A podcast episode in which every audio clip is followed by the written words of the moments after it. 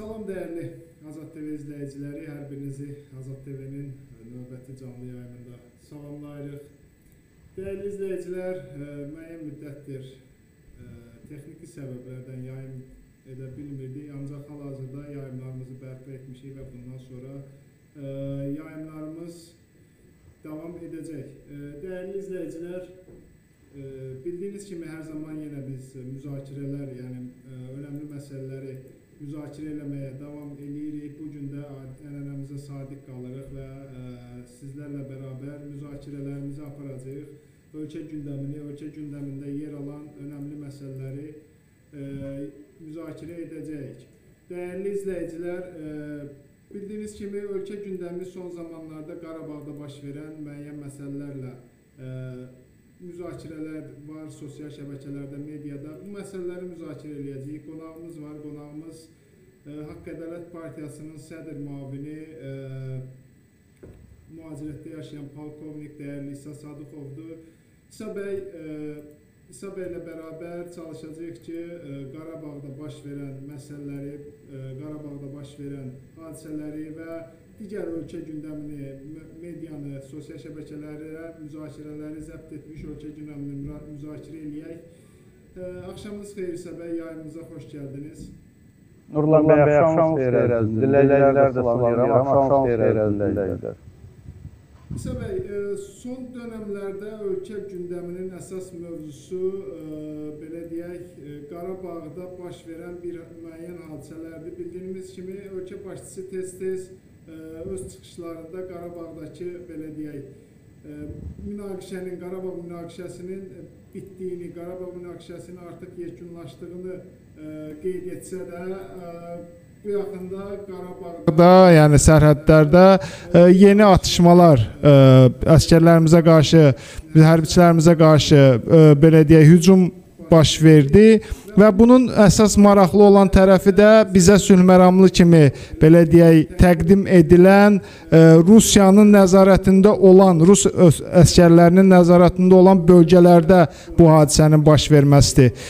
Bu hadisəni necə dəyərləndirirsiniz? Ümumiyyətlə hal-hazırdakı Qarabağdakı durumu necə dəyərləndirirsiniz? Buna bu suala cavab verin. Daha sonra təbii ki, suallarımız mövzu ətrafında davam eləyəcək. Çox sağ olun Nurlan bəy. Ə, Siz qeyd etdiyiniz kimi Əliyev yəni təkrar-təkrar qeyd edir ki, yəni münaqişə aradan qaldırılıbdır, ərazi bütövlüyünlər olunubdur. Amma əslində biz görürük və bilirik nələr baş verir. Nəinki Qarabağ məsələsi həll tapmır və o millilikdə biz Azərbaycan böyük təhlükələrlə üzə qoyduq. Əziz vətəndaşlarım, Qarabağ məsələsi və bu münaqişə həllini o vaxt tapardı ki, biz dövlət sərhədlərimizə çıxaraq və bütün əraziləri nəzarət altına götürərək. Xankəndi, Şuşadır, daxil olmalı. Bu imkanlar da bizdə var idi. Amma Əliyev bunu edə bilmədi. Özündə cəsarət tapıb, sona qədər edə bilmədi. Putinin bir zənci ilə həmən o sadişə imza atır və Sülh məramlı adı adı altında əslində 30 il Azərbaycana yenidən geri can atan həmən o qoşunları, işğalçı qoşunları Azərbaycana dəvət edir. Rəsmi olaraq onun dəvətidir ona görə ki, o imza atıbdı ora.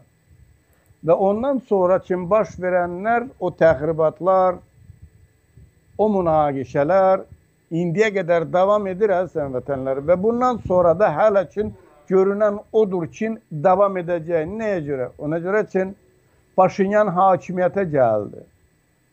Bax o müharibələr üçün təşkil olunmuşdu.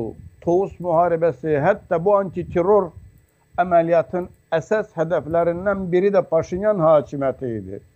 Paşinyan antiterror əməliyyatından sonra o baş verən təxribatların da əsas məqsədi Paşinyanı o seçki ərəfəsi və seçkidən hansısa bir çərçivəyə salmaq və özlərindən asılı vəziyyətə salmaq. Hətta bu Paşinyanın səfəri də Rusiya onu göstərdi ki, Paşinyan baş əyəsi deyil. Bəziləri təqdim edir ki, yox, Paşinyan yenə də Ermənistan üzünü Rusiya çevirdi, getdi Rusiya baş əydi. Yox, əziz vətənləri. Qətiyyən bunu belə düzgün, bu düzgün yanaşma deyil. Paşinyan ora getdi və onun təkliflərindən biri və əsası oldu ki, həmən o Tamas xəttindən qoşunlar geri çəkilir. Bunu dəfələrlə yadınızdadır. Elə sizin kanallardan da səsləndirmişdi Nurlan bəy. Yəni Tamas xəttindən, yəni sərhədlərdən qoşunlar geri çəkilir. Kazarmalara həmən o Tamaslarda beynəlxalq müşahidəçilər yerləşdirilir və onlar bütün o baş verənləri nəzarət altına, atəşkəsi və s. Və ondan sonra, əziz vətəndaşlar, ancaq ondan sonra o komissiyalar, hər iki tərəfli komissiyalar onların müşahidəçisi altında yaranır və o demarkasiyada baş verir. Ola bilsin mübahisəli ərazilər olsun. O əraziləri həll etmək olar. O problemləri həll etmək olar. Necə ki, bax bu Avropada həllini tapır gələcəkdə. Amma bu gün imkan şərait yaratmalıdır ki, hər iki tərəfdə ahali sərbəst o həm sərhəd olan bölgələrdə yaşaya bilsin. Axır biz nə vaxtsa o sülhü bərqərar etməliyik. Amma o vaxta qədər ki, Tamas xəttində və sərhədlərdə qoşunlar, silahlı qoşunlar, tam hazırlıq vəziyyətində qoşunlar yerləşir. Bu atəşkəsə, bu münaqişəni aradan qaldırmaq mümkün olası deyil. Bunun mexanizmi yoxdur. Əslən vətənlərim, nəyə görə? Ona görə ki, ən azı 30 ildir bu münaqişə baş tutur. Bundan sonra da baş verəcək. Nəyə görə? Ona görə ki, bunda maraqlı qüvvələr var. Maraqlı da kimlərdir? İlk öncə Rusiyadır və bilirsiniz ki, İranın da marağındadır ki, bu münaqişə aradan qaldırılmasın və bu münaqişə olar ki, onlar açıq şəkildə bura müdaxilə edə bilər, istədikləri siyasəti bölgədə yürüdə bilərlər və o qurulan indi deyək ki, Turandır, Türk Birliyidir və s. NATO-nun bura daxil olmasıdır. NATO bazalarının biz deyəndə Türkiyə, bu Türkiyə NATO-nun üzüdür. NATO-nun gələcəkdə bazalarının burada yerləşməsinin qarşısını almaq üçün, almaq üçün bu münaqişələr onlara, yəni ruslara sərf edir əslən vətənlərim və bu baş tutacaq. Paşinyan bu təkliflərlə çıxış etdi. Mən qeyd etdim. Yəni qoşunlar geri çəkilir və həmin o sərhədləri beynəlxalq müşahidəçilər nəzarət altına götürür. Necə fikirləşirsiniz? Bu rusların xoşuna gələrmi? Bu ruslara baş əyməkdirmi? Əksinə ruslara yer göstərməkdir ki, yəni sən bölgədə, xüsusən də Ermənistanda əgər bunu Paşinyan təklif edirsə, sən o sülhü bərpa edə bilmərsən və sən bu missiyanı tək başına özlərinə götürə bilmərsən, amma nəzərə almalıyıq ki, və siz də nəzərə alın. Hətta bəziləri ki, bax belə təqdim edirlər ki, Paşinyan gedib baş əyifdi, boyun əyifdi Rusiya. Axı Rusiya postsovet məkanında hətta yaxın şərqdə çalışırdı ki, tək başına bu missiyaları yerinə yetirsin. Bax, Ukraynada tək başınadır. Gürcüstanda tək başınadır. Moldovada tək başınadır. Niyə kənardan kimlərisə yaxın buraxmır. Ona görə ki, əgər kənardan beynəlxalq müşahidəçilər olsa, həmən o prinsiplər olsa ki, qoşunların geri çəkilib və ahali, Tamas xəttində yaşayan ahali sərbəst yaşayıb, artıq yavaş-yavaş da olsa, az da olsa o Tamasa getməlidir, başlamalıdırlar onlar. Amma Ruslara bu sərf etmir. Ona görə də post-sovet məkanında siz bir respublika, orada ki münaqişə var, göstərə bilmərsiniz ki, orada beynəlxalq müşahidəçilər, beynəlxalq mandat olan müşahidəçilər yerləsin. Ancaq Rusiyanın belə adlanan sülhməramlı amma onların altında bilirsiniz ki, işğalçı qüvvələrdir. Və indi də bu Rusları çox narahat edib. İndi artıq Rusiya politoloqları nə deyirlər? Deyirlər ki, o da bəllidir hardan bu irəli gəlir bu görüşdən sonra. Yəni Rusiya Paşinyanı Qarabağa, Dağlıq Qarabağa səfərlərinin qarşısını alıbdı. Onun haqqı yoxdur. Azərbaycan ərazisidir, əzizən vətənlərə. İndi bəziləri əminəm ki, artıq uca başlayıblar bunun müzakirəsini başlayır. Görürsünüzmü Rusiya bizim arazi bütövlüyümüzü tanıyır.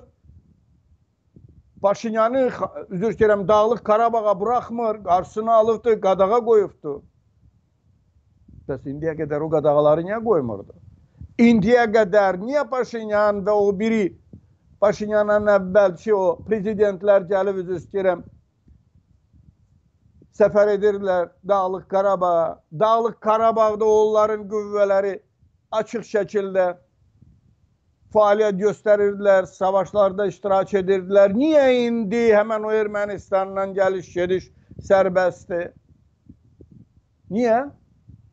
Amma Paşinyana tək başının qadağandır. Bu görünən odur ki, nəzsən vətənlərim, bu Paşinyanın təklifləri, səfəri Rusları çox narahat edir. Ruslar başa düşür ki, əgər o müharibələrdən, savaşlardan, təxribatlardan sonra Paşinyan baş əymədi onlara, bundan sonra da edəsi deyil. Nəyə görə? Ona görə ki, ermənilər onu ona görə seçməyiblər ki, bu yenidən Ermənistanı Rusiyanın bir əyalətinə çevirsin. Yox, onlar ona ona görə səs veriblər ki, artıq bundan sonra ancaq inteqrasiya NATO-ya və e, Avropaya olmalı. Bu kursdan da o çəkiləsi deyil. Necə ki, bax, Ukrayna, necə ki, Gürcülər, onlar axır görürlər bunu. Dərs götürüblər, ders alıblar. Burada bir şeyi mən mütləq qeyd etməliyəm, əzizən vətənlərim. E, Nurlan bəy, çox ciddi bir məsələdir. Mən görürəm, Təfələrlə mən Gürcüstan ayrı-ayrı bizim bu postsovet məkanında baş verənləri dilə gətirəndə bəzilərinin xoşuna gəlmir.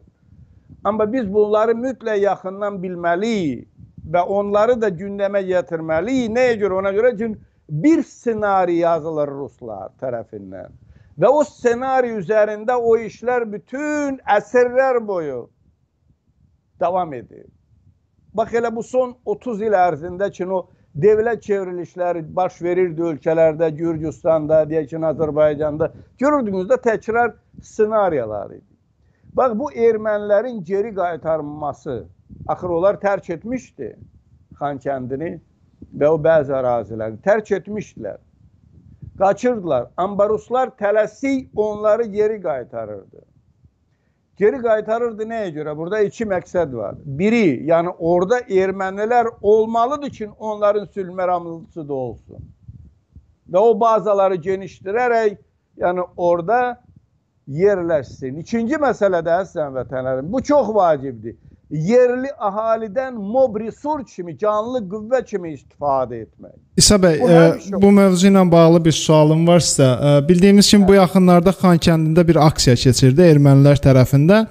Düzdür, o aksiya Azərbaycan mediasında çox elə e, elə də işıqlandırılmadı, amma digər medialardan aldığımız məlumat odur ki, həmin aksiyada ermənilərin, orada yaşayan ermənilərin bir tələbi də var idi ki, onlar Rusiyanın vətəndaşlığını, Rusiyanın pasportunu almaq istəyirlər. Yəni bu sadəcə adi bir tələb idimi, yoxsa bu tələbin də e, bir tərəfi Rusiya tərəfindən verilmiş, yəni bir tapşırıq idi ki, belə bir tələb edilməlidir. Bu mövzu ilə bağlı nədir? Bax, o təx o etirazlar, təxribatlar üçün var. İlk öncə o təxribatlar, ilk çıxışlar belə etirazlar bilirsiniz Araikə qarşı idi, yadınızdadır. İndi isə açıq-aşkar onlar tələb edirlər ki, ya Rusiya birləşmək, Rusiya pasportları, Rusiya vətəndaşları və s. Görünən odur ki, istisna etmək olmaz ki, arayiki onlar özlərinə daha yaxın, daha bağlı birisi ilə əvəz etsinlər. İstisna etmək olmaz ki, bu Koçeryan olsun. Bu biri.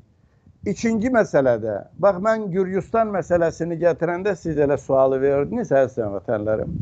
Saakashvili ki hakimiyyətə gəldi 2004-cü ildə, 2003-də baş verdi. O hadisələr 2004-cü ildə o gəldi, seçildi, gəldi hakimiyyətə və təcili şəkildə o reformalara başladı. Ölkədə, daxildə, təhsil, bütün sahələrdə təhsil ə, ə, və xüsusən də əziz vətənlərim, çox vacib bir məqam, bütün sərhədləri açdı. Hətta o münaqişə zonalarından. Sərhədləri açdı və qeyd etdi ki, onlar gəlib sərbəst təhsil ala bilərlər gənclər. Müalicə oluna bilərlər, təhsil ala bilərlər. Şimal Qafqazla da mənim yadımda da o vaxtları sıx təmasda idi.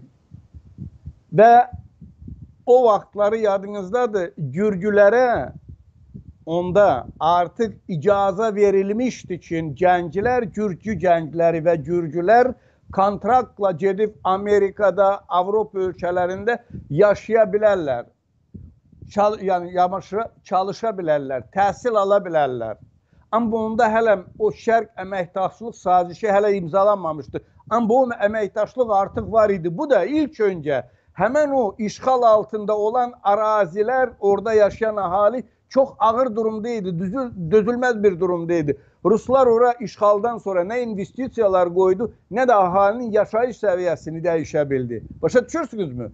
Amma Gürcüstanda köklü dəyişikliklər baş verdi.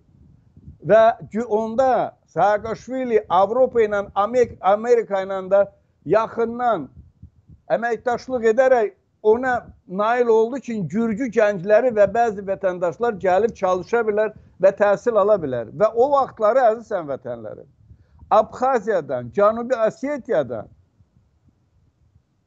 gəlib gənclər təhsil alırdı Gürcüstanda, Tiflisdə, ali məktəblərdə.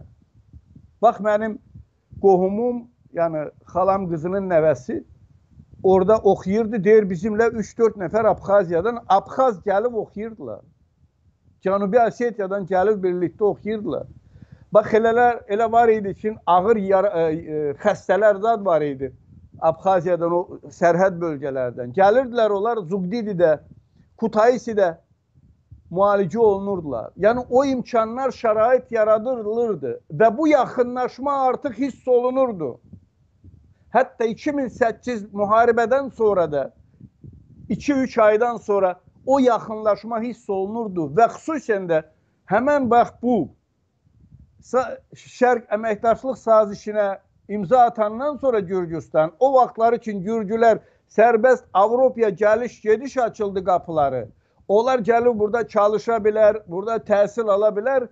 Hətta Gürcülər qeyd etdi ki, o işğal altında olan ərazilər, əhali, onlar da pasportu ilə Avropaya, yəni gedib gələ bilərlər, təhsil ala bilərlər. Və buna da onlar sevindi. Amma və bu yaxınlaşma hiss olunurdu artıq. Bu müzakirələr də geniş yayılırdı. Debatlar da gedirdi. Abxaz, Cənubi Osetiya, Gürcülər arasında, hətta yadınızdadırsa, bir 7-8 il öncə Cənubi Osetiyada seçkilər gedirdi. Orada bir qadın seçkidə qalib gəldi. O Gürcüstanla yaxınlaşmaq niyyətində idi. Əməkdaşlıq və o münasibətləri aradan qaldırmaq istəyirdi. Amma onu Ruslar yaxın qoymadı. Məcburan ayrısını öz namizədlərini gətirdilər, oturtdular ora, prezident kimi. Rusları narahat edən eyni proseslər bu gün Ermənistanda da əzizən vətənlərim. Onları narahat edən odur ki, Paşinyan da qərbə doğru üzünü tutub, Şərq əməkdaşlıq sazişinə imza atıb, ermənilər də sərbəst Avropa, dünyaya gediş-gəliş qapıları açılacaq. Gedib oxuya bilərlər, təhsil ala bilərlər. onların yaşayış durumu da kat yüksələ bilər. Və ona görə də indi bunlar bunun qarşısını almaq üçün tələsiyəcəklər ki, onları oralardan təcrid etsinlər. Başa düşürsünüz? Bu çox vacib bir məqamdır, əzizən vətənlər. Bizdəki görürsünüz tez-tez deyirlər ki, yəni biz Avropa ilə bizə lazım deyil, o şərq əməkdaşlıq sazişi Avropa bizə lazım bilirik. Bilirik bunlara kimlər lazımdır, amma bunların qohum əqrəbələri görürsünüz. Avropada sülənirlər. Bilirsiniz də bunlar necə istəmir. Özləri bunlar buradadır artıq çoxdan. Amma xalqı o durumda, ağır durumda, dözülməz durumda saxlayaraq həm düşmanların məqsədlərinə nail olurlar, hətta həm də öz hakimiyyətlərini qoruyub saxlaya bilirlər. Belə halda əziz həmvətənlərim, belə halda o demək deyil ki, Ruslar o Qarabağı bizim ərazi bütövlüyü tanıyır və həqiqətən də Erməni, yəni Paşinyanı Qarabağı ona görə buraxmır ki, o ərazi bizim ərazimizdir. Yəni Azərbaycan ərazisi yox. Əgər elədirsə, bəs Əliyev oraya buraxmırlar. Bəs bizi geriyə qaytarmırlar. Bəs bizə niyə o saxta xəritələri sürükləyirlər ki, yəni bax bu qədər burada minalar zat var ki, yəni biz ora heç vaxt qaytarmayaq. Niyə ruslar ora Yəni həmən indi o deyirlər də investisiya Türkiyə tərəfindən qoyulur, yollar zat Ruslar zatlar. Buna gedəsi deyirlər əslən vətənlərim olar. Onlar bilirlər ki, o münaqişələr hər an baş verə bilər orada. Və o münaqişələri də təşkil edən həmən o Ruslar olacaq. Nəyə görə onlar imkan verməyəcək, çalışacaq. O vaxta qədər ki, onların təsiri var bölgədə erməniləri əldən buraxsınlar. Amma erməniləri saxlamaq çox çətin olacaq. Nəyə görə? Ona görə ki, ermənilərə böyük dəstək var. Amerikadan, Fransadan və ümumilikdə Avropadan.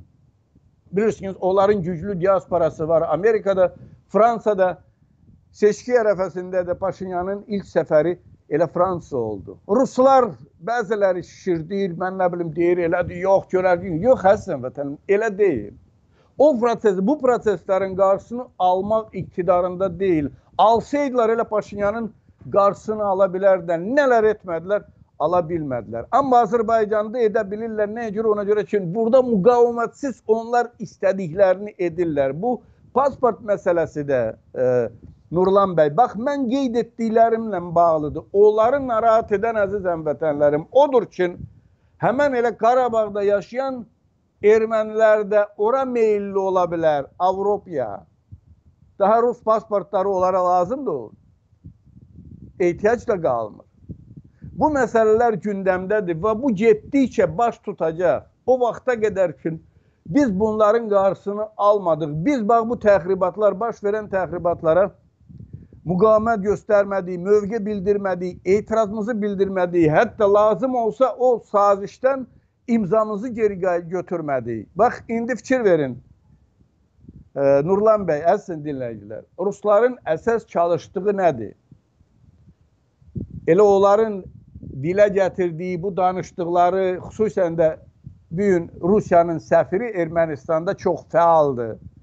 Yəni o sərhədlərinin birlikdə, yəni Azərbaycan Ermənistan sərhədlərinin birlikdə qorunması. Əgər Paşinyan irəli sürür ki, o qoşunlar geri çəkilməlidir. Da o sərhədlərə, o yeni qoşunlara ehtiyac yoxdur. Amma Ruslar bunun üzərində deyir, mütləq o qoşunlar olmalıdır. Bu bizə sərf etmir, əzizən vətənlərim. Əgər o danışıqlar hansısa bir razılaşmalar olmalıdırsa, onda biz bilavasitə ermənilərlə, vasitəçi bizə lazım deyil.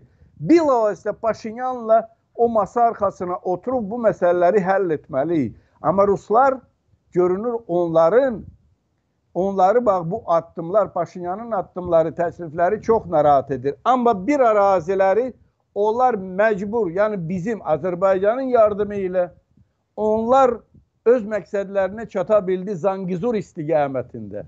Bəli, o əraziləri müvəqqəti də olsa DTX-nın sərəncamına veriblər.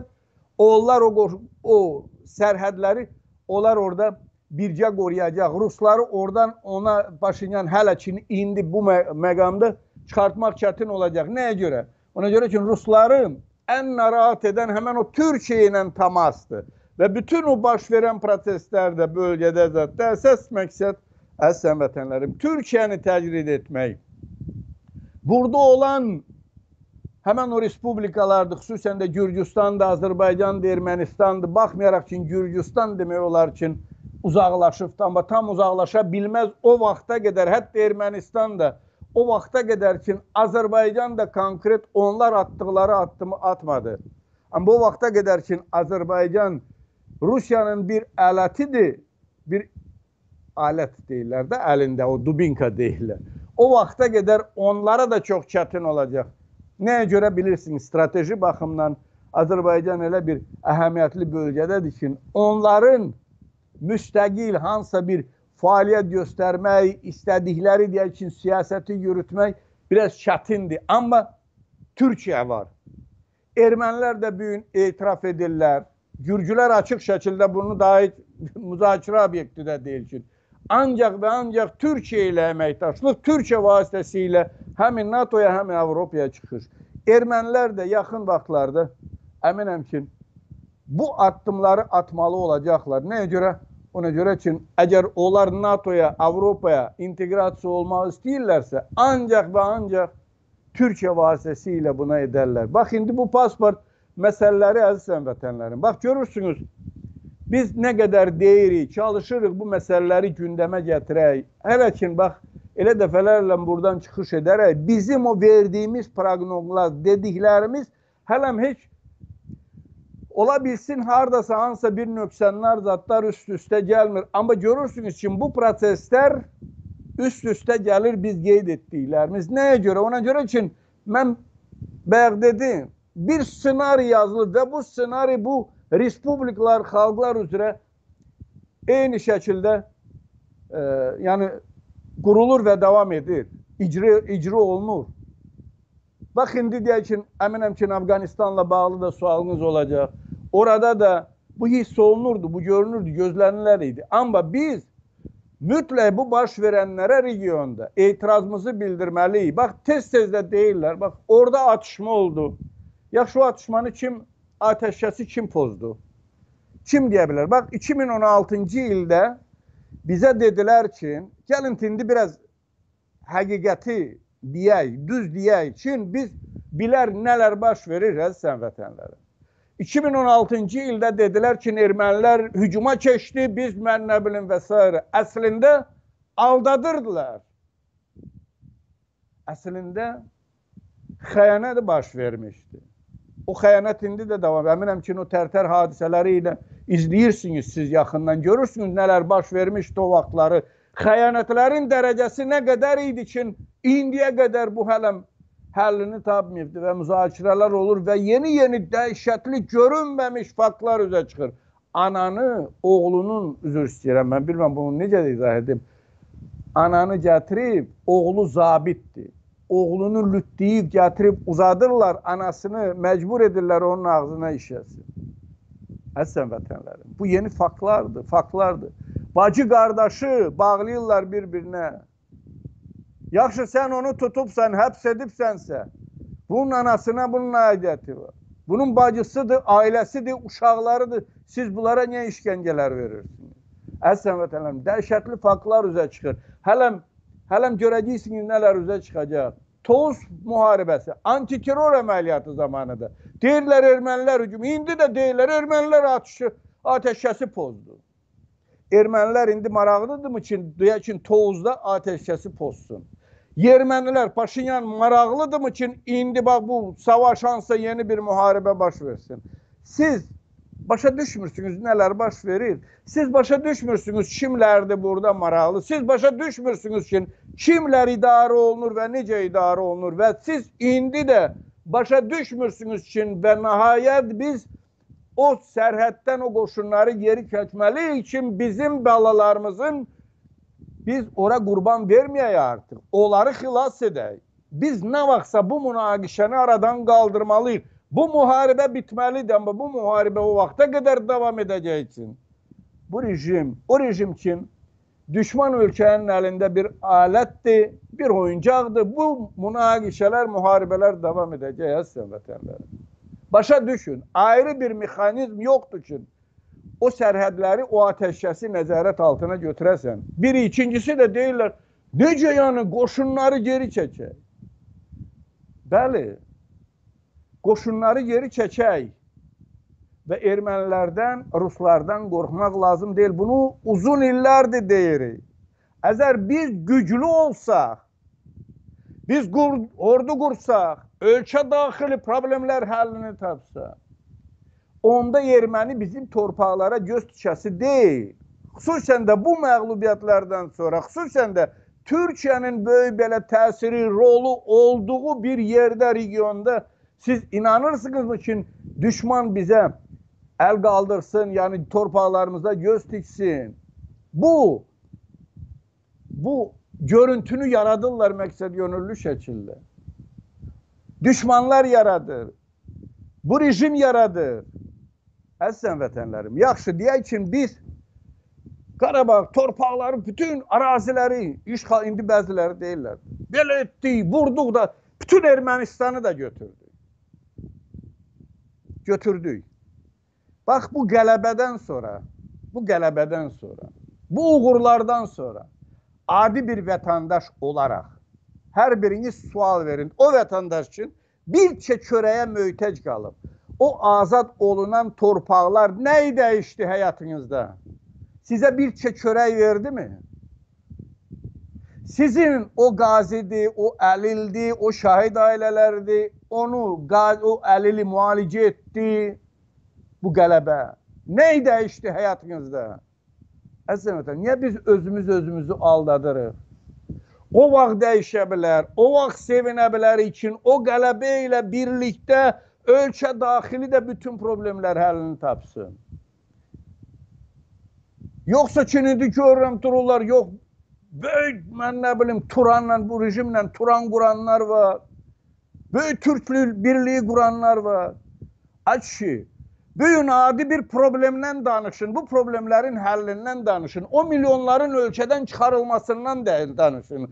Bugün, üzr istəyirəm, uşaq pulundan danışın. Axır bunlar həllini, torpaqlar azad, Ermənistanı da, Gürcüstanı da aldıq. Bəs vətəndaş? Ə kişi, biz alırıq o əraziləri, Azərbaycanı 5 milyon tərk edibdir. Bu işğal deyil. Əgər Azərbaycanı tərk edirlərsə, həmən o işğal altında olan torpaqlara qayıdan olacaqmı? Siz bilirsiniz, gülünc bir vəziyyət durum, elə bir xalqı elə ələ salıblar, hətta bəzi uzun ildir özünə lider, mən beləyəm, eləyəm, vurub dağıdanlar, üzr istəyirəm, dünyanı artıq mən nə bilim, Çinaya çatanlar ağzı dolusu köpüklü danışır. Yenə deyirəm, nə verdi bizə bax bu? Uğurlar nə verdi? Bu qələbələr nə verdi? Bizim adi vətəndaşa nə verdi? Özünü suiqəst edir, özünü yandırır, ona fikir verən yoxdur, eşidən yoxdur. Özünüzü niyə aldadırsınız? Nə o torpaqları biz azad etdik, nə hansısa bir uğurlar əldə etdik. Uğurlar onda ola bilər ki, hər bir vətəndaşın qayğısında qalırsan, hər bir problemi həll olunur, o vətəndaş yaşamalıdır. Niyə bir üzr istəyirəm, bir qrup, bir qoldur dəstə yaşayır istədiyi kimi, qalanı isə ölkəni tərk edir. Gecə-gündüz göz yaşı ilə o günləri şahid aynası deyir ki, mən Ermənistana üzümü tuturam, ölkəni tərk edirəm və s. Bu nədir? Əsən vətənləri. Ona görə də bax bu qlobal problemləri onların həllinə çatmaq üçün biz adi xırda problemi həll etməliyik. Əgər bu həllini tapmayıb, bax Nurlan bəy, siz burada Avropadasınız. Bu mümkündürmü nə isə həll etmək? Əzizən vətənim, yalanla özünüzü aldatmayın. Heç bir uğurdan söhbət gedə bilməz. Güclü dövlətdən, böyük bir xalqdan, ordu, ordu daha heç kim dilə gətirməyəm. İndiyə qədər təyinatlar yoxdur. Yoxdur əgər bir nəfər də olsun vatandaş bağırır, çığırır, dilənir, yalvarır, aylarla, illərlə eşidən yoxdur və nəhayət onu özünə suiqəst edir. Bu nə məmləkət? Belə şey olar. Yaxşı, belə halda ki, gözünüzün qarşısında suiqəst edir, özünü öldürür, sevinə bilərik. Hansısa bir o biri problemlərdən, əgər bu problemlər həllini tapmır, biz o problemə keçə bilərik. Və niyə bunun üzərindən keçməliyik? Niyə deyək ki, o ailədir, anadır. Amma belə anaların sayı minlərlədir. Belə vətəndaşın sayı milyonlarla daxil. Yenə təkrar edirəm. Azad etdi. Ölkəni 5 milyon tərk edib. Niyə tərk edibdi? Soruşan varmı? E, Siz O işğaldan danışanda bu işğal, gəlin biz arazinin 80 faizini işğaldan azad edək ki, o biri arazi, biz bunu dəfələrlə demişik.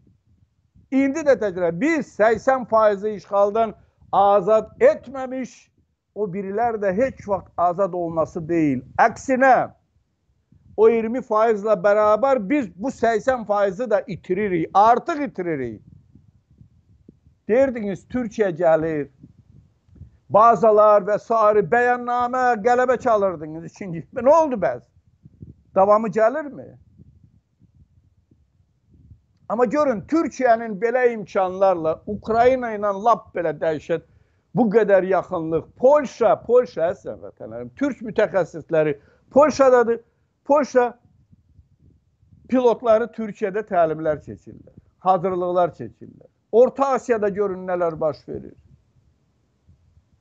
Biz isə qardaş türk ola ola oturmuşuq elə uzadırıq prosesi. Biz bilirsiniz bəziləri deyir ki, yaxşı olacaq. Əslində 30 il biz ən azı 30 ildir biz gecişirik. Gürcüstan 2003-cü ildən sonra ən azı 18 ildir biz Gürcüstandan gecişirik. Ən azı ən azı ən azı 3-4 ildir Ermənistandan geri. Amma bu ermənilər çoxdan o proseslər zətlər onlarda gedib Azərbaycanda baş verənlər orada baş vermirdi. Biz çox geridə qalırıq əziz vətənlərim. Niyə yenə də geridə qalmalıyıq? Axır biz də konkret addımlar ataraq biz də bir yolluk bunların hamısına son qoyaraq o fürsətdən, o imkanlardan istifadə edərək indi bu təhlükələri aradan qaldırarıq. Bunu niyə uzadaq? Bilirsiniz niyə uzadır? Biz rejimi uzadırıq. Bunların hakimiyyətini uzadırıq. Əsas məqsəd budur. Bunları, əslən vətənlərim, bunları ölkənin taleyi, xalqın taleyi narahat etmir. Narahat etseydi, bu yaxınlarda elə əmisi qızına 20 milyon orada İngiltərədə o məhkəmə prosesi bilirsiniz də nələr baş verir. Amma bunlar elə indi deyirəm hələ amma belə milyardlar çıxdı üzə. Bu müharibə olmasaydı əziz vətənlər, bunlar çoxdan gedərdi. Amma müharibə olduqca müharibə bir bəhanədir bunlar üçün.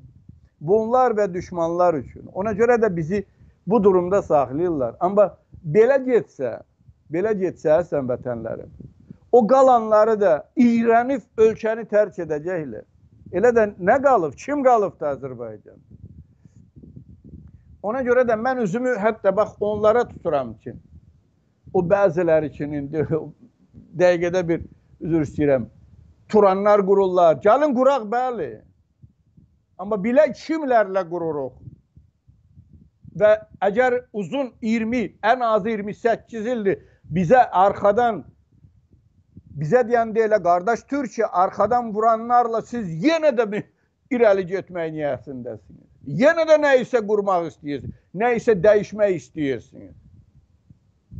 Torpaqları azad etdik, azad etdik. Ölkənin ölkəni bu gün siz böyük təhlükələrlə üzə qoyursunuz. Siz başa düşün. Siz gördünüz Paşinyana, Gürcüstana qarşı hansı baskılar və s. oldular. Siz çalışın bu gün həmrəyliyə nail olun. Siz çalışın bu məsələləri masa arxasında müzakirə edin. Qoy biz də görək ki, siz həqiqətən o cibdə cibdə gəzənlər yox. Həqiqətən bu xalqın, devlətin qayğısına qalanlarsınız. Bu problemlər belə həllini tapmaz və bunu uzatmadan bunu uzatmadan həll etmək lazımdır. Siz fikir verin, Rusların o politologları var və s. nə deyirlər? Erdoğan Niveçni. Yəni o əbədi deyil. Əslən vətənləri. Bunların məqsəd yönüllü şəkildə bu prosesləri zadı uzatması bəlkə Türkiyədə nəsə baş verir. Bəlkə Erdoğan getdi hakimiyyətdən. Mən istəyirəm ki, Erdo bu Türkiyə, bax bugünkü Türkiyə belə də davam etsin. Erdoğanıdır, kim olur olsun. İndi həyatdır da. Amma bir gün o varsa, bir gün bu, bu addımları ataq. Bir gün əgər Kazaxstan atır, Özbekistan atır, Kırgızstan atır. Biz də ataq. Deyir biz atırıq. Necə atırıq? Bax, rejimin təmsilçiləri bəlli. 99% həmən o Putinlə orden medal alanlar. Hamısı biri-birindən qorxur. Hamısı oğru və s. Dərin getmirəm indi. Parlament. O biri sahələrdir, əzizən vətənləri. Bunlarla siz hansısa dəyişiklik edirdinizsə və edirdilərsə 18 il ərzində edər deyilə bu. Niyə etmir? Hansı? Geçin bax, rüşvətxorluq. Həll etdi mi? 18 ildir. Yumurta məsələsi həllini tapdı mı? Heç yumurta da məsələsi həllini tapmadı. Kadr məsələsi, əzizən vətənlərim, bax bizim bu qədər kadrlarımız var, bu qədər potensialımız var. Yandıran bilirsiniz nədir? Deyirəm, biz bu hərəkətimizlə, biz deyəndə həm xalq, həm də müxalifət bu hərəkətimizlə üzdə olan o ziyalılardır, o istedadlı gənclərdir, onları da iyrəndirəcəyik. Onlar da məcburiyyət qarşısında qalıb, harasa gedib, hardasa bir sığınacaq tapacaq.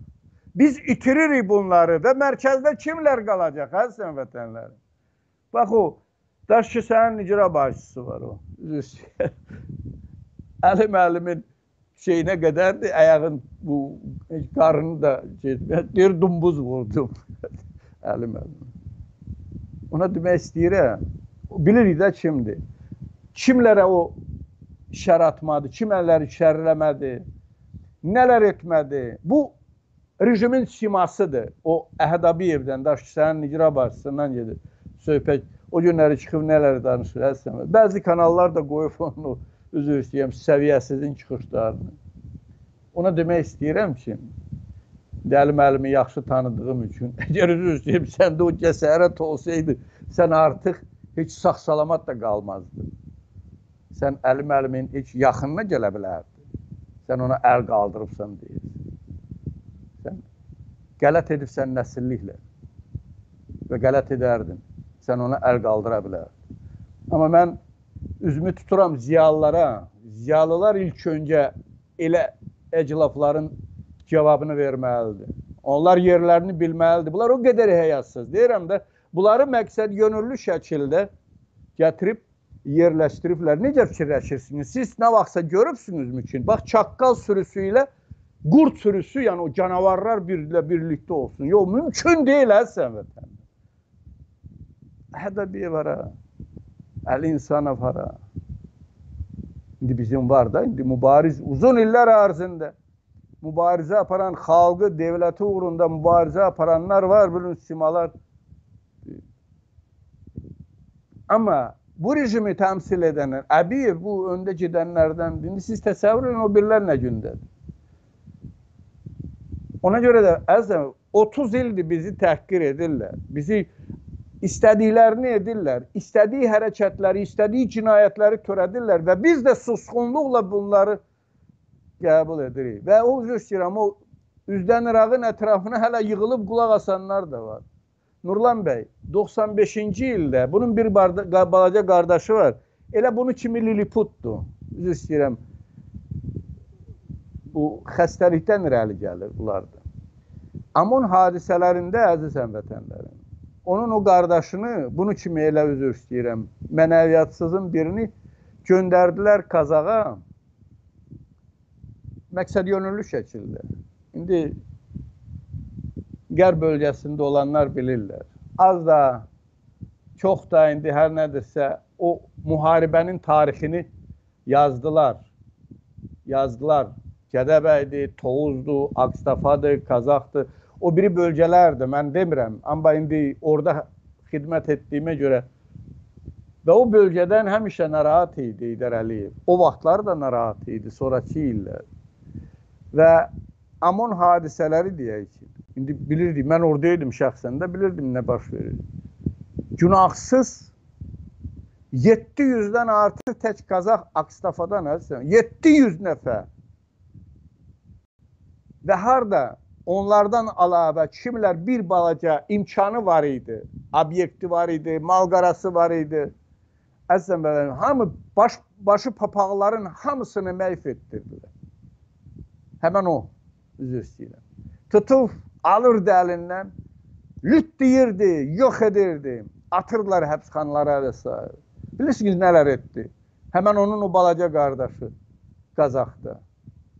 Və görün neçə ildir bunlar hələ də hakimiyyətdə qalaraq nələr edirlər, nələr etmədilər. O günləri şahid ailəsini təpi altına salmış, döymüşdü. Və Daşkəsəndə nələr baş verir bilirik. Bunun hoqqaları parlamentdə göz qabağında, göz qabağında idi. Bunu niyə göndərdilər icra başçısı? Ona görə ki, o özünü doğrultdu parlamentdə də. O bəzi bizim müxalif liderlərə zad böhtan ataraq, ağzına gələni deyərək, Bunlar belə mükafatlandırırlar. Belələrini irəli önə sürürlər. Nə vaxta qədər? Biz də bu gün, üzr istəyirəm, bu Əbiyevlər, bu üzr istəyirəm, bu rejim təmsilçiləri göz qabağında biz də qələbədən, uğurlardan, mən nə bilim, Rusiyanın qarşısını almaqdan və s. Gülüncdür bu. Gülüncdür. Bilirsiniz, bunların hamısını dilə gətirərək biz ölkədə Yaxşı bunların baş verənlərin bu uğurlar, qələbələr və s. nələr adi vətəndaşa bir çörək verdi mi? Əgər vermədirsə heç bir qələbədən söhbət gedə bilməz. Əzizən vətənlərim. Biri var ki, bizim təcrübəmiz yoxdur, biz bilmirik, xəbərimiz yoxdur. Biri də var ki, biz bilirik, görürük bu həyat nədən ibarətdir. Başa düşürsünüz biz burada biz istəyirik ki ən azı Azərbaycan Azərbaycan xalqı da bax necə Avropalılar elə yaşasın. Onlar çıxıb kiməsə yalvarmasın, müraciət etməsin. Onların problemləri yerlərdə həll etməlidir.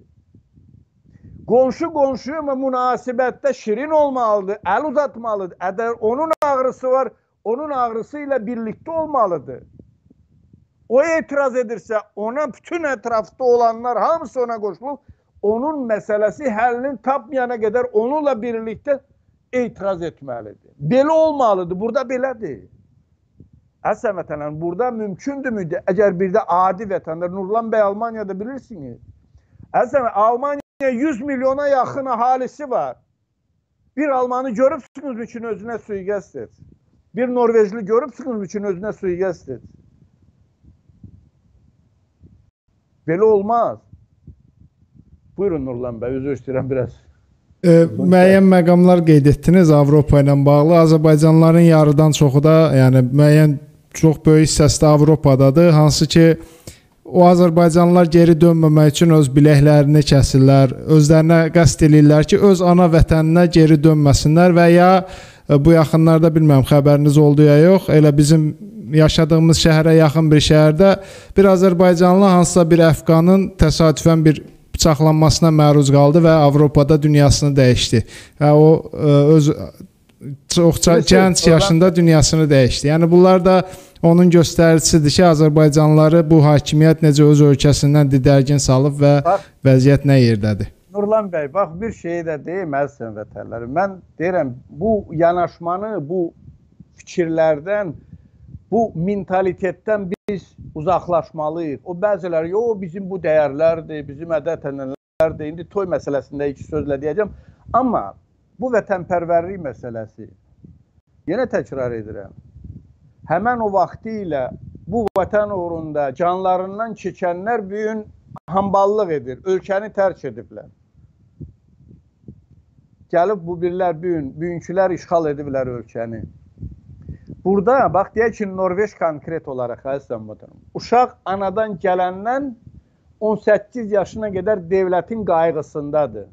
Hər ay 200-250 dollar uşağa pul ayrılır, onun hesabına gedir. Bir ildən 6 ilə qədər, 7 ilə qədər də o bağçaya getdiyi müddətdə 1 min, min dolardır.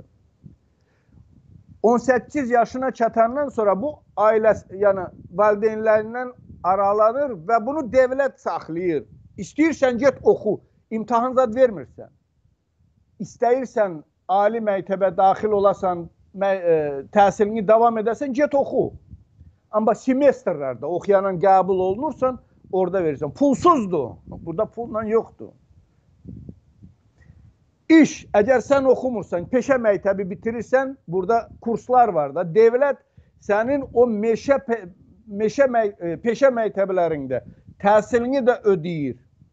Axır ki, sən get çalış, qayğında qalır. Sən gedib çalışırsan, iş yerə bütün qayğılar, təminatlar dövlət tərəfindən. Yəni dövlət fikirləşirsən, fikirləşmirsən. İşsiz qalırsan, dövlət axtarır. Evsiz qalırsan, dövlət sənə ev verir. Əzsən vətənlərim. Burada bir Norveçli bir Norveçli gedib üzr istəyirəm, hansısa ayrı ölkədə hamballıq yox, pul qazanmaq yox.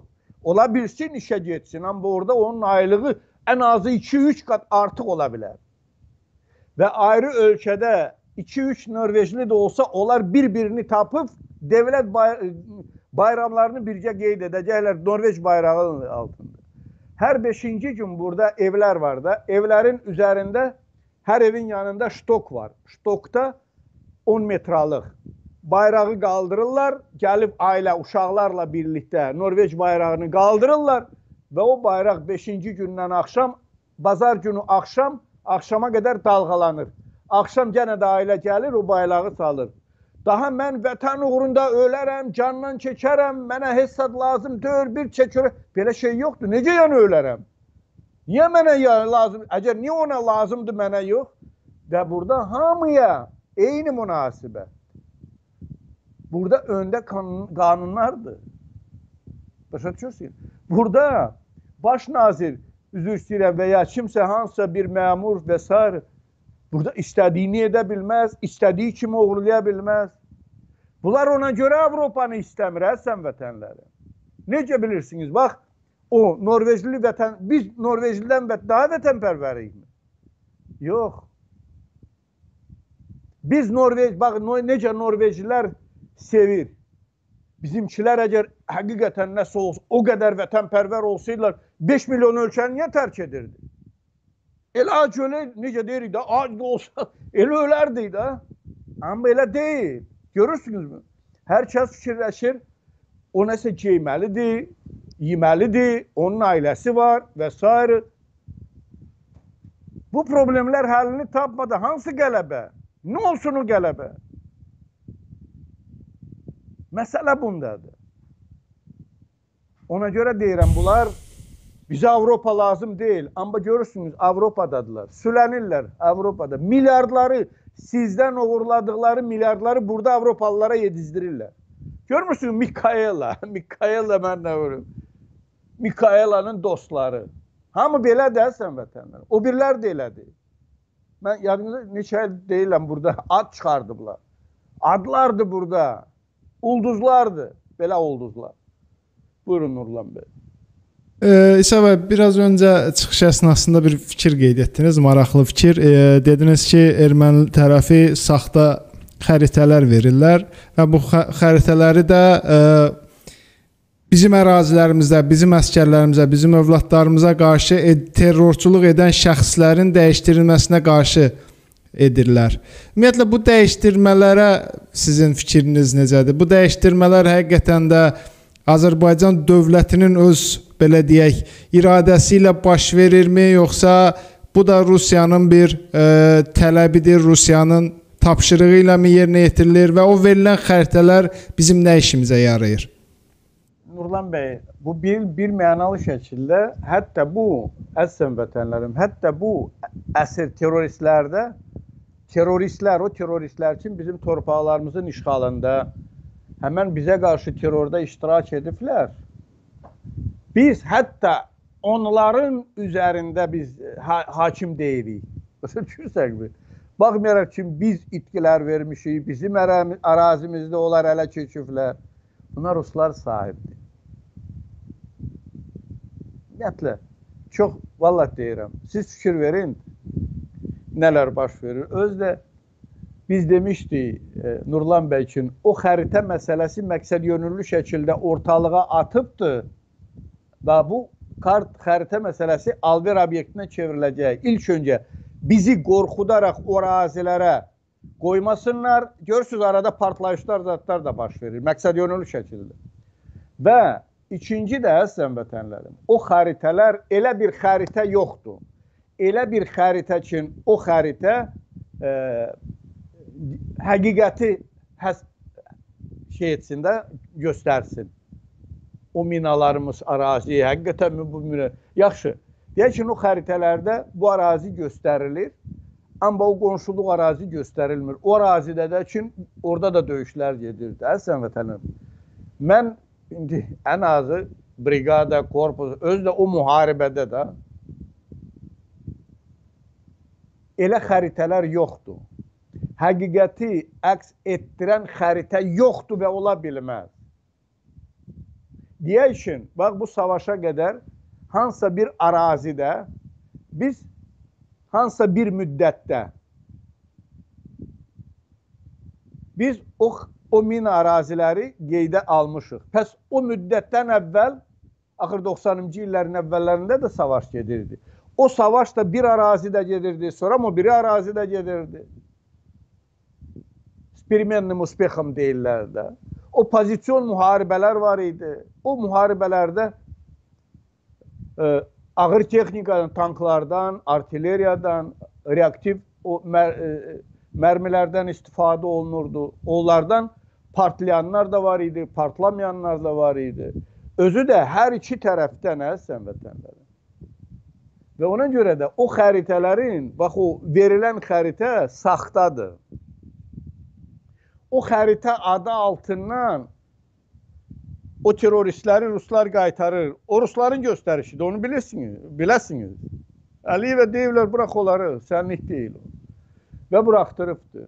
Və bizi də məqsəd yönüllü şəkildə ələ salıblar. Necə ki, uzun illər ərzində ələ salırdılar əzizən vətənlərim.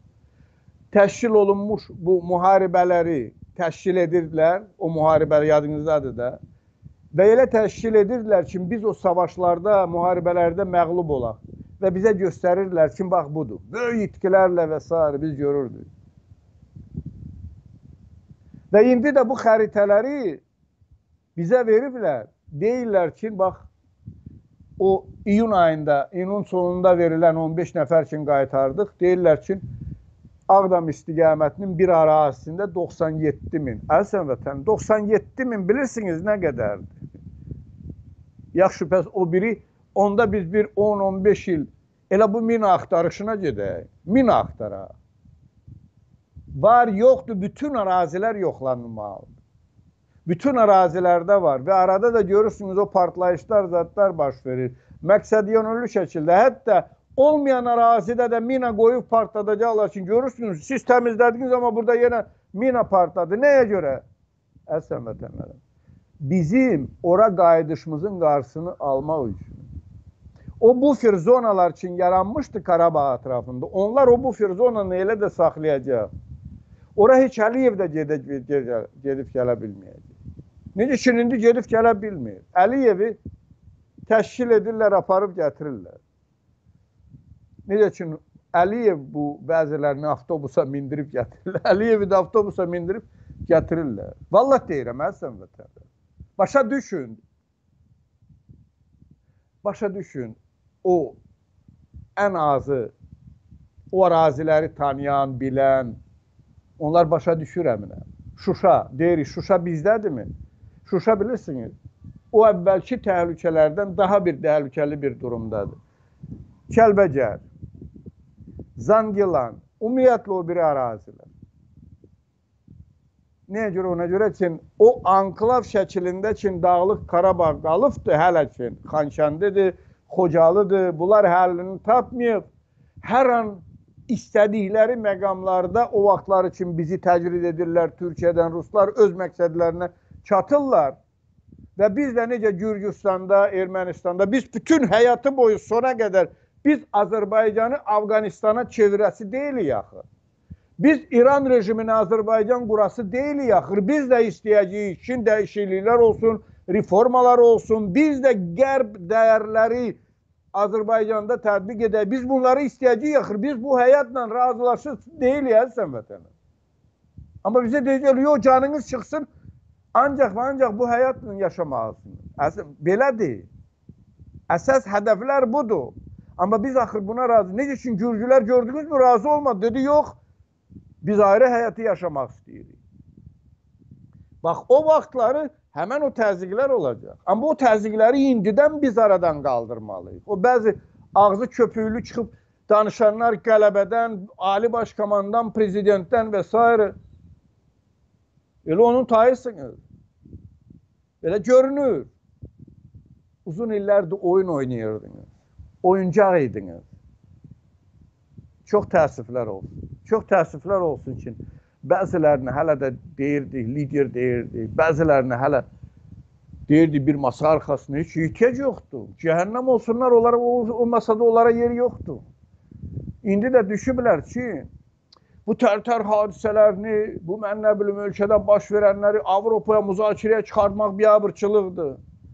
Elə o barədə sual vermək istirdim və bu məsələlər Avropada müzakirəyə çıxarılması çıxarılması ilə bağlı məsələ qaldırıldı və buna elə o sizin də qeyd etdiyiniz avtobusda olan müxalifət nümayəndələri də hansı ki parlamentdə yer alır, onlar da mənfi e, münasibət bildirdilər və əleyhinə səs verdilər. Ümumiyyətlə bu e, hadisələrin Avropada işıqlandırılmasının sonu necə olacaq və həqiqətən də bu Azərbaycan üçün yəni nə deməkdir? Əgər Azərbaycan üçün bir Tərtər hadisəsinin işıqlandırılması belə deyək, mənfi cəhətdirsə, onda elə bu Tərtər hadisəsinin özü mənfi bir cəhətdir. Bununla bağlı da axı o müxalifət deyilən şəxslər heç, heç bir fikir bildirmirlər. Yaxşı, əgər bunlar istəmirdi ki, bu Avropaya çıxarılsın, və ümumiyyətlə baş verənlər biz dilə gətirməyək ekranlardan, Avropadan. Yaxşı o cinayətlər niyə baş verir? Baş verməsin də. Açı biz bu Azərbaycan xalqı mən üzr istəyirəm xalqımdan sürü deyil ki.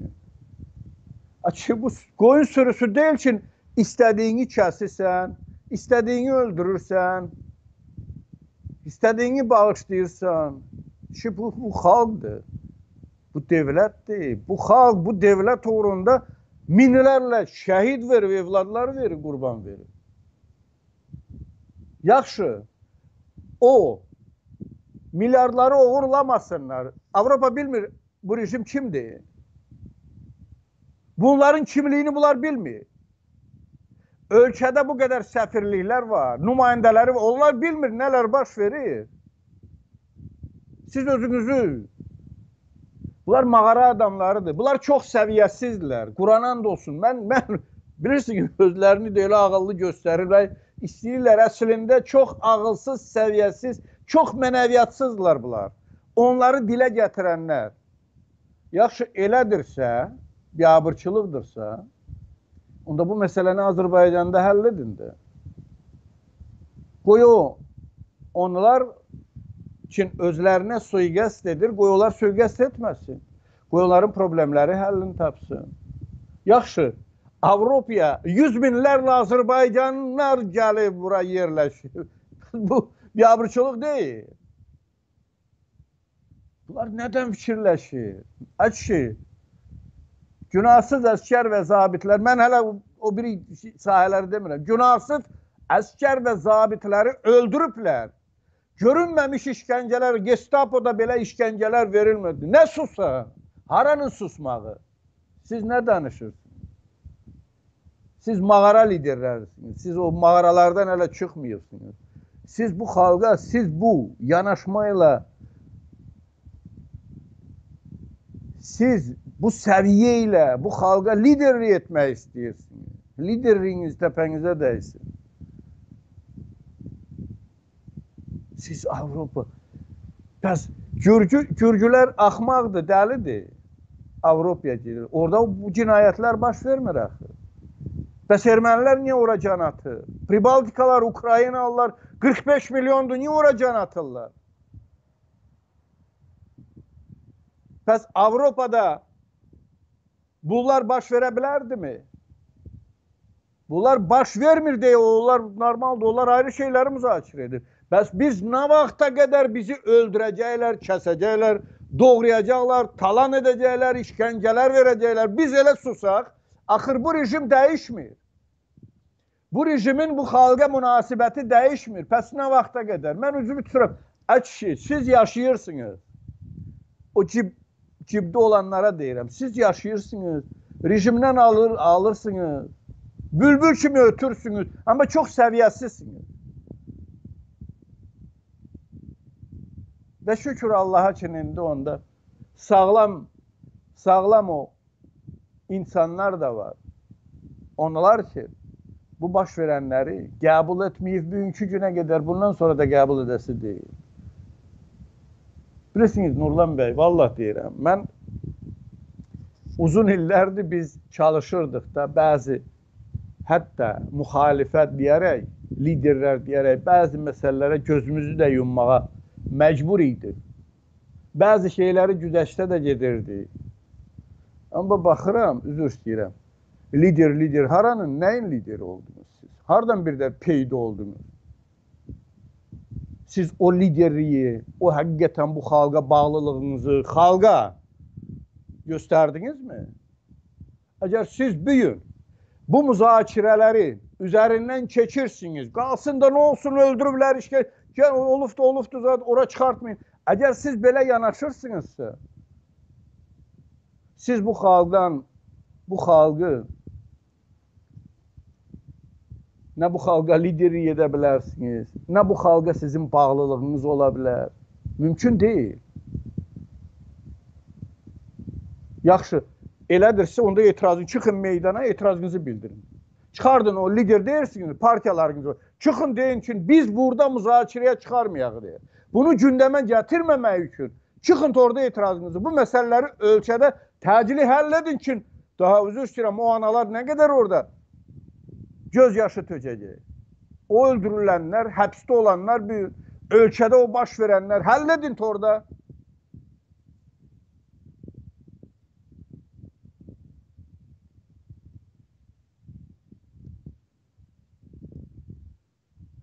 Bilirsiniz Nurlan bəy, indi ola bilsin, onlar həyat görməyiblər. Mən onu bilirəm ki, ona görə elələrini, əziz vətənlərim, elələrini kim bax belə yanaşırlar sizin taleyinizə, elələrini yaxın qoymaq olmaz. Onlardan sizə lider olmaz. Bunu tam məsuliyyətlə deyirəm. Onlardan uzaq olun. Onlara heç salam da verməyin. Onlara heç əl də uzatmayın. Onlara heç yaxın da getməyin. Qətiyyən elələrini yaxın qoymayın. Bunlar sizin problem. Bunlar bu rejimdən qat-qat əski olacaq. Nəyə görə? Ona görə ki, bu rejimin cinayətlərinə, xəyanətlərinə göz bağlayanlar sizin problemlərinizi həll edəcəkmi? Bunlar bunların davamçısıdır, sən vətənlər. Bunlara inanmayın belələrinə. Çıxartmayın, biabırçıdır. Avropa. Nə biabırçı ki? Bu qədər insanı öldürübsünüz, işgəncələrdən keçirirsiniz, didərgin salır, talan edirsiniz, bir çəkörəyə möhtəc qoyubsunuz. Bu Saddam o üzr istəyirəm, Şimalı Koreya məsələsini müzakirə edə biabırçılıqdır. Deyək ki, indi Koreya məsələsi müzakirə olanda o Koreyalılar o problemləri bura burada müzakirə etsələr, təqdim etsələr, onlar da xəyanət edir. O da biabırçılıqdır. Bu mövzularda danışmaq uzundur və yəqin ki, növbəti yayımlarda hələ bu cür mövzuları Bəli, davam etdirəcəyik, amma bir son mövzu ə, məsələ də var. Ə, o onunla bağlı da istərdim fikirlərinizi öyrənim. Bildiyimiz kimi bu yaxınlarda bir summit oldu və orada Amerika prezidenti ə, bir çox liderlərlə görüşdü və bu görüşlərdən sonra sanki bu məsələyə siz də bir müəyyən dərəcədə belə çıxışınızda fikir bildirdiniz. Sanki Türkiyənin ümumiyyətlə regiondakı rolunun artırılması yönündə addımlar atıldı. Əfqanistanda bildiyimiz kimi siz də açdınız bu mövzunu. Əfqanistanda ə, belə deyək Türk Türkiyənin ə, belə nəzarətinin gücləndirilməsinə ə, dəstək verdi Amerika tərəfi. Ə, bu yeni Türkiyə-Rusiya münaqişəsinin yaranmasına səbəb ola bilərmi və ümumiyyətlə bu dəstək Türkiyənin e, bu yaxınlarda həm də bizim maraqlandıran məsələdir. Təbii ki, Qafqaz regionuna da aiddir bu məsələ. Bu ümumi regionda liderliyi ələ almasına səbəb ola bilərmi? E, Bilirsiniz, e, Nurlan bəy, mən sizə bir şey deyim. Bax, e, indi hərbidə belə şey var da, avangard, o aparıcı qüvvə, öndə olan qüvvə və arxada da ona texniki dəstək verən. Başa düşürsən? O поддерживающие приданные deyirlər, yəni qüvvələr. Bu gün həmin o avangardda olan NATO-da əziz vətənlərim, bu faktdır, biləsiniz.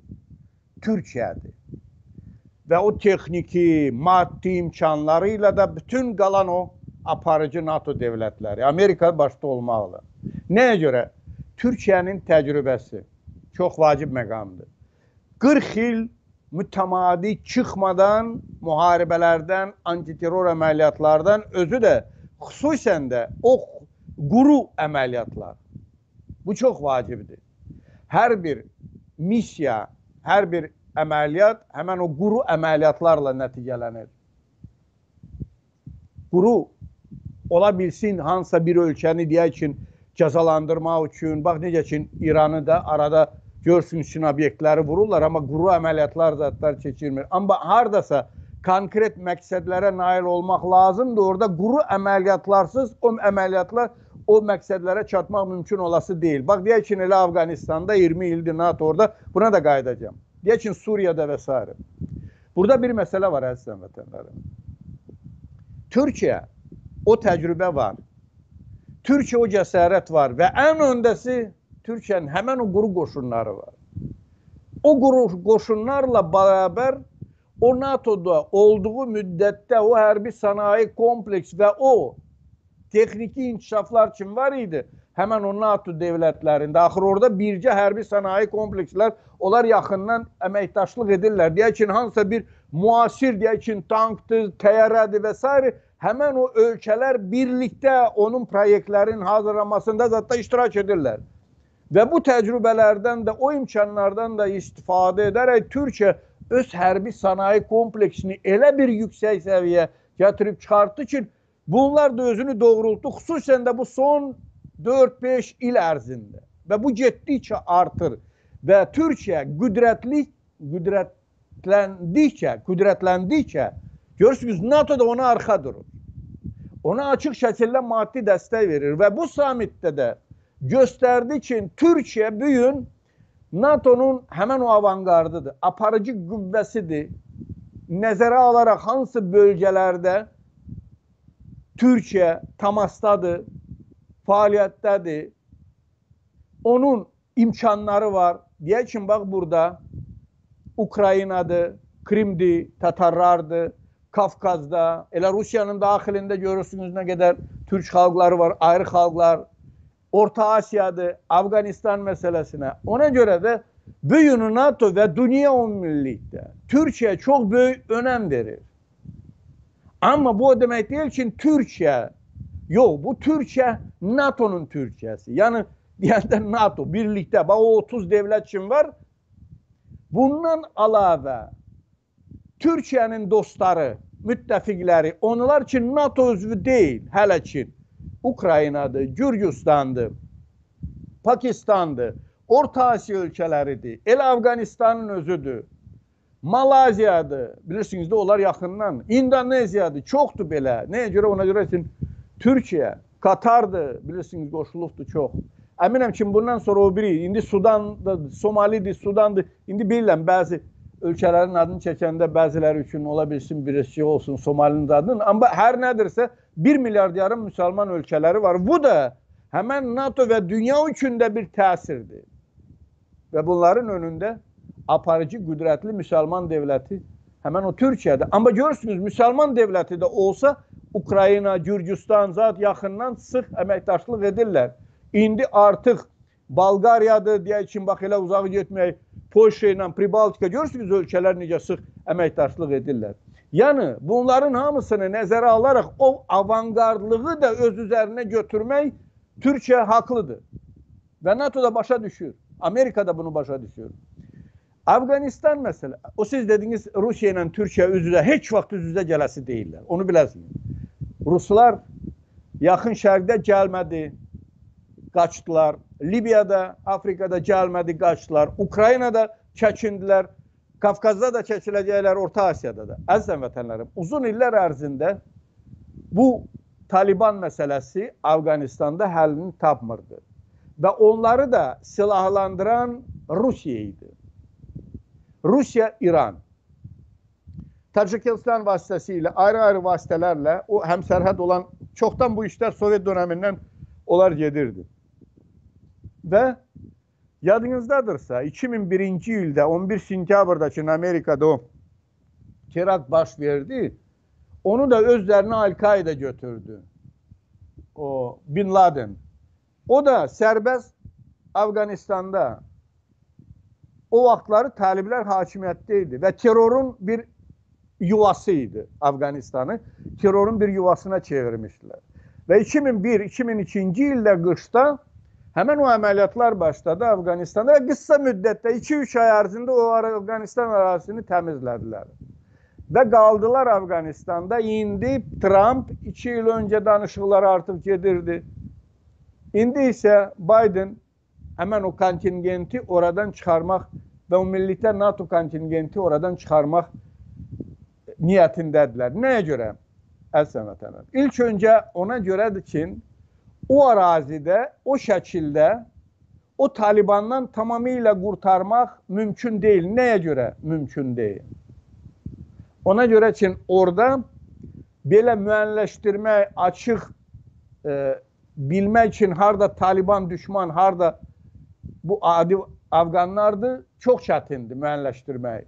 Ona görə də Sovetlər də uduzdu. Ona görə də NATO elə geniş miqyaslı o əməliyyatları aparmırdı. Nəyə görə? Ona görə ki, o taliblər elə o halinin içində də qalırdı. Əvvəllər yadınızdadır, bəzi əməliyyatlar keçirirdilər. Onda ki, o taliblər nə edirdi? Yəni, əhalinin etirazını təşkil etmək üçün ahali sıx yaşadığı bölgələrdən görürdüyünüz üçün atəş zad açırdılar. O artilleriyadan, ayrı-ayrı ağır texnikadan zaddan və bunlar da cavab atəşi açmalı olanda onda da bəllidir ki, itkilər zad baş verirdi. Məktəblərdən, sonra əhalinin sıx yaşadığı bölgələrdən elə şeylər vardı. Onda bunlar bir pasiv mövqe, bəzi əraziləri təriblərdən azad etdilər və orada da pasiv mövqedə qaldı NATO yoxlamalar və s. Amma bunların hamısına baxmayaraq bu uzun illər ərzində o terror aktlarının qarşısını almaq mümkün deyil. Yəni o şəraitdə mümkün deyil və nəzərə alaraq ki, həm Rusiya, həm İran tərəfindən onlar maliyyələşirdi, silahlanırdı. Belə halda onlar danışdı taliblər. Amerika, NATO danışıqlar aparırdı və onlar razılaşmışdı ki, etimad hökuməti yaratsınlar Afqanistanda. Bu əsasla NATO və Amerika razılaşdı Çin qoşunları oradan çıxarsın. Yoxsa Çin bu vəhşilik Çinində olar gedib əraziləri belə zabt edirlər. Onlar o razılığı, o razılığa getməzdi. Onlar yenə də qalardı. İndi ki Taliban o əraziləri zəbt edir, bəzi əraziləri zadı. Və bunları da silahlandıran indi mən qeyd etdiyim kimi Rusiya, İran və Çina əsas məqsədləri də NATO-nu öz sərhədlərindən geri çıxartmaq. Və Talibanın da indi bir sürü, üzr istəyirəm, bir sürüsü gəlib Rusiyada o görüşləri keçirmək bu müsəlmanlara və xüsusən də talibların simasını tamamilə açdı. Yaxşı, o ruslar həmən ruslar deyildimi ki, həmən bax bu müharibəni, bu münaqişəni, vətəndaş müharibəsini sizə səpən deyirlər, nə deyirlər? Kökünü ora salan. Eləməz 78-ci ildən bəri Həmən o savaş 79-cu aktiv o döyüşlər başladı orada. 40 il ərzində, 41 il ərzində o savaşlar orada kim elədi? Həmən məhz onlar tərəfindən. İndi də həmən onların yanına gedir. Yəni ki, onlar gedirlər ki, biz qonşularla münasibətlərimizi biz heç kəsin torpaqlarına iddialı deyirik və belə-belə. Amma əslində orada məqsədlər tamam ayrı idi. Tamamen ayrı idi. Və biz bilirik. Amma onu da deməzsən vətənlərim. O talibların elə bir qüvvəsi, imkanları da yoxdur ki, həqiqətən də onlar bax bu əraziləri belə sərbəst işğal etsin. Nəyə görə? Yadınızdadır, işit də gəldi. Adi maşınlarla əraziləri zadı işğal etdi. Onlarda nə ağır texnika var idi, nə zad. Amma bu ağır texnika, bu əməliyyatlar onlara qarşı təşkil olunandan sonra gördünüzmü qısa bir müddətdə onlardan bütün ərazilər təmizləndi. Əgər taliblar o danışıqlar əsasında fəaliyyət göstərməsə və bu işğalı davam etsə bu həyasızlığı Əsən vətənlərim, əmin edirəm bir qısa bir müddətdə, bir iki ay ərzində Türkiyə və müttəfiqləri Pakistanla birlikdə o əraziləri tamamilə azad edəcəklər. Onlar məcburiyyət qarşısında qalaraq o əməliyyatlara əl atmalı olacaqlar. Nəyə görə? Ona görə ki, Taliban bu gün həmən o ölkələrin əlində oyuncaq olaraq qalır. Rusiyanın, İranın onlar üçün uzun illər ərzində terroru terrora dəstək verirdi, terroru maliyyələşdirirdilər. İndi də Talibanı elə Rusiyanın özü terrorist adlandırır və terroristlərlə masa arxasına oturub danışırlar. Məsələ bundadır. Ona görə də əminəm ki, Türkiyə bu məsələnin həllini tapacaq. Özü də fikir verin təzədən. Taliblər nə deyir? Bəli, Türkiyə biz hörmətli, yəni müsəlman dövlətidir, amma NATO-nun üzvüdür. Yaxşı, Türkiyə NATO-nun üzvüdür. Türkiyə NATO-nun üzvü olaraq və NATO gəlib o qədər qırğınlar törətmədi, nə qədər Sovetlər gəlib orada qırğınlar tökdü. Afqanistanı yerlə bir etdi. O vaxtları məhz elə NATO siz Afqan xalqına kömək eləyirdi, yardım edirdi. Bax burada qonşuluqda elə bir neçə nəfər Afqanlı var. Və ümumiyyətlə çoxlu sayda burada Avropada da Afqanlar yaşayır əslində. Bir nəfər də görmərsən ki, o təliblərə deyir, bunlar səviyyəsiz, savadsız biriləridir. Bunlar deyir, dövlət quracaq. Və bunlarla kimlərsə orada əməkdaşlıq edə bilər. Ona görə də bu müvəqqəti protestlər də əminəm ki, bu, bu protestlər həllini tapacaq. O vaxtlar üçün Türkiyə həmən o müttəfiqləri ilə birlikdə inanmıram ki, Türkiyə orada güzəştə getsin. Amma Rusiyanı narahat edən məhz Türkiyənin o aeropor, o, hava limanıdır və ümumiyyətlə Pakistanda qalması bunları çox narahat edir. Müttəfiqləri ilə birlikdə nəzərə alaraq ki, Türkiyə böyük dəstək olacaq orada NATO tərəfindən. Ona görə də Rusiya tələsir və ilk səfərləri onların Pakistan o, o şeyin Talibanın məhz Rusiya oldu. Özü bir baxın onlara bir baxın. Bilirsiniz əziz vətənlərim, yadımdadır 2001-ci ildə əminəm ki, siz də o vaxtları izləyirsiniz. O vaxtları ki NATO koalisiyası Afqanistana irəliləməyə başladı. Onda hər komandirə bir kiloluq e, qızıl slitak deyirlər də, bir kiloluq qızıl hər komandirə verirdilər ki, həmən o talibların komandirləriniz adını ələ keçirsin, ələ alsınlar. Bunlar üzr istəyirəm, onun bunun əlinə baxanlardır. İndi bilirik də, indi tanıyırıq. Bunlar elə Afqanlar onları tanıyanlar yaxından bir deyirlər. Söyləyirlər kimlər. Uzun illər ərzində bunlar onun bunun əlinə baxıblar, onun bununda ələt olublar. İndi də elə bilirlər ki, həqiqətən bu uğurlar onların əlindədir. Yenə təkrar edirəm. Məsələn, necə fikirləşirsiniz? Bax, indi deyək ki, elə NATO-da var idi də o imkanlar. Amma NATO o vəhşiliyi, Ruslar etdiyi vəhşiliyi nə Suriyada etdiyi vəhşilər, İraqda, Libiyada, deyək ki, elə Çeçenistan bütün müharibələrdə NATO heç vaxt etməzdi və etməyib də. Amma Ruslar edirdi. İndi siz təsəvvür edin, necə fikirləşirsiniz? Əgər taliblar belə uzaq getsə, belə mən nə bilim, necə ki, işit gedirdi, irəliləyirdi, ahaliyə divan tuturdu, o puaların, o əməliyyatlar üçün Afrində keçirildi, İdlibdə keçirildi. Onların qarşısında tab gətirə biləcəkmi Taliban? 100 Taliban olsun. Mümkün deyil.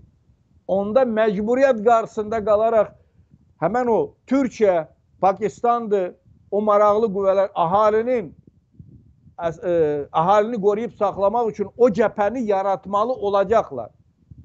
Yəni cəbhə mütləq bilinməlidir. Elə belə deyil ki, sən bu gün gündüz evdəsən, gecə avtomatı götürüb gedib terroristdən terroristliklə məşğulsan. Yox, o cəbhəni yaradaraq onda artıq bəlli olacaq harda Taliban, harda əhalidir.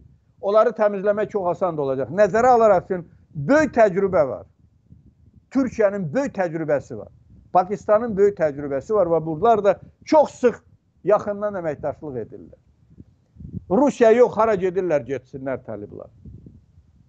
Bu qədər olar. İsa bəy, e, əslində bu sualı son olaraq demişdim, amma e, bir mövzu var, yadımdan çıxmışdı. Biraz öncə siz qeyd etdiniz ki, Azərbaycanda müəyyən bir kəsim var ki, bu hakimiyyətlə turan qurmaq falan filan düşünürlər.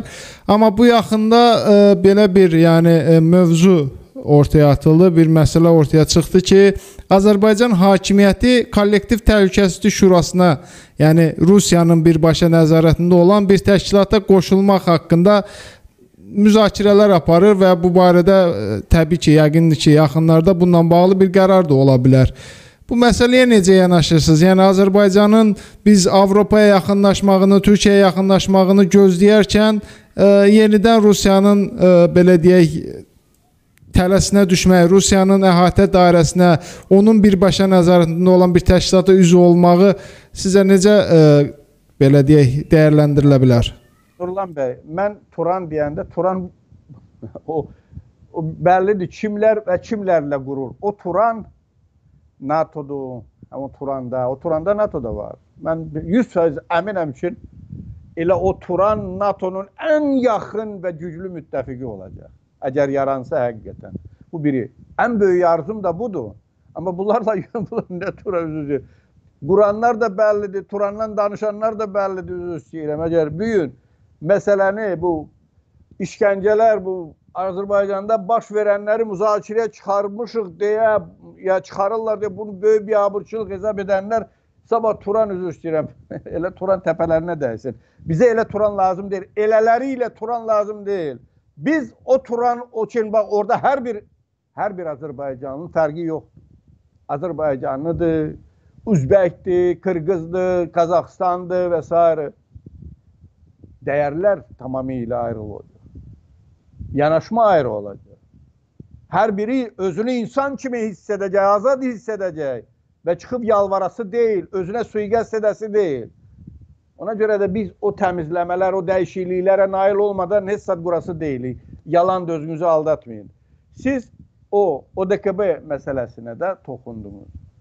Yəni biz bu təşkilatda ən azı 93-cü ildən sonra təmsil olunuruq və oranı heç vaxt tərk etməmişik. İndi, indi də tərk edək.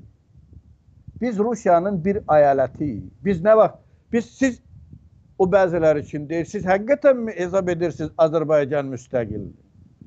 Siz həqiqətənmi hesab edirsiniz ki, biz orada deyilik ODKB-də? Əgər ODKB-də deyiliksə, 30-40 milyardlıq silahı niyə biz oradan alırıq Rusiyadan? Əgər elə deyiriksə, bu rejimi niyə Rusiya təyin edir?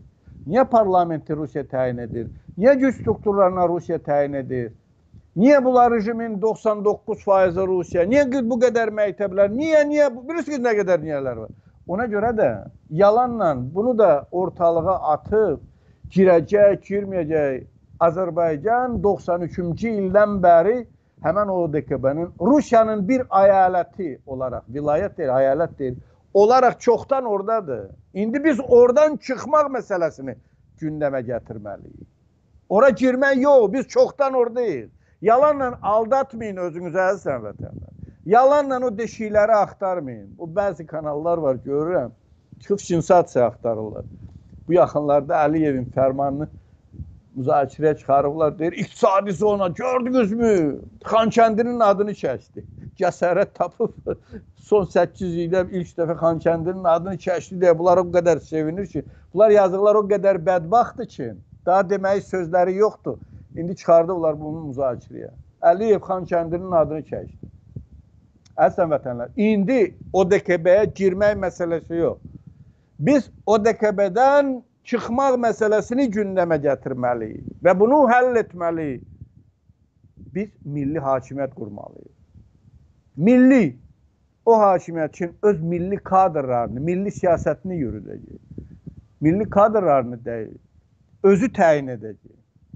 Amma bu kənardan yox üzr istəyirəm, öz də deyirlər, o da KB məsələ müzakirəyə gətirir.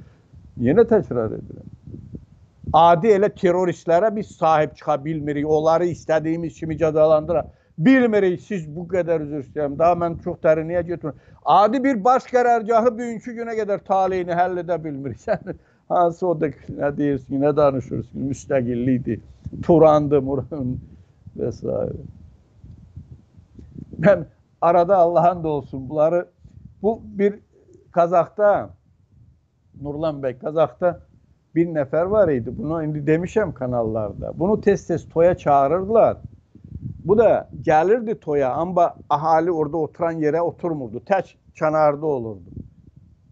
Katılmırdı e, heç vaxt xalqın içine. O muzikantlar zatlar da çalanda o elə bir bir kuruk çəkirdi. O kuruğun içinde oynayırdı. Bunlar da görürlər belə o, elə onu tayıdlar olar.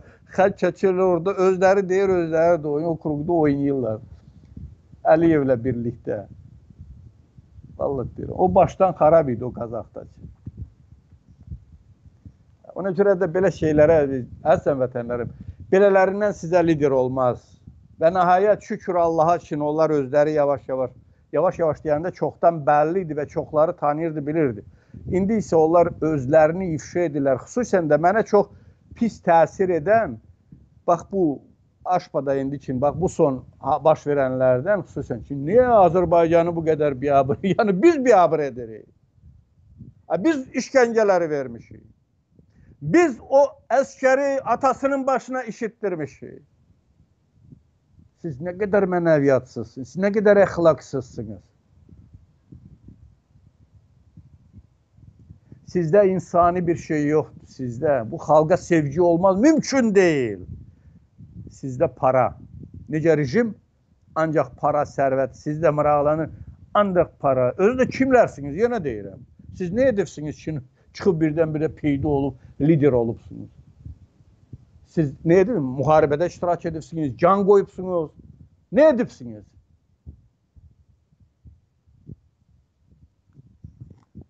Zaman gələr bu xalqın, bu devlətin əsl oğulları onlar üçün sahib çıxmalıdır, olmalıdır. Onlar üçün bu gün də sahiblər amma atılıblar, kənardadılar.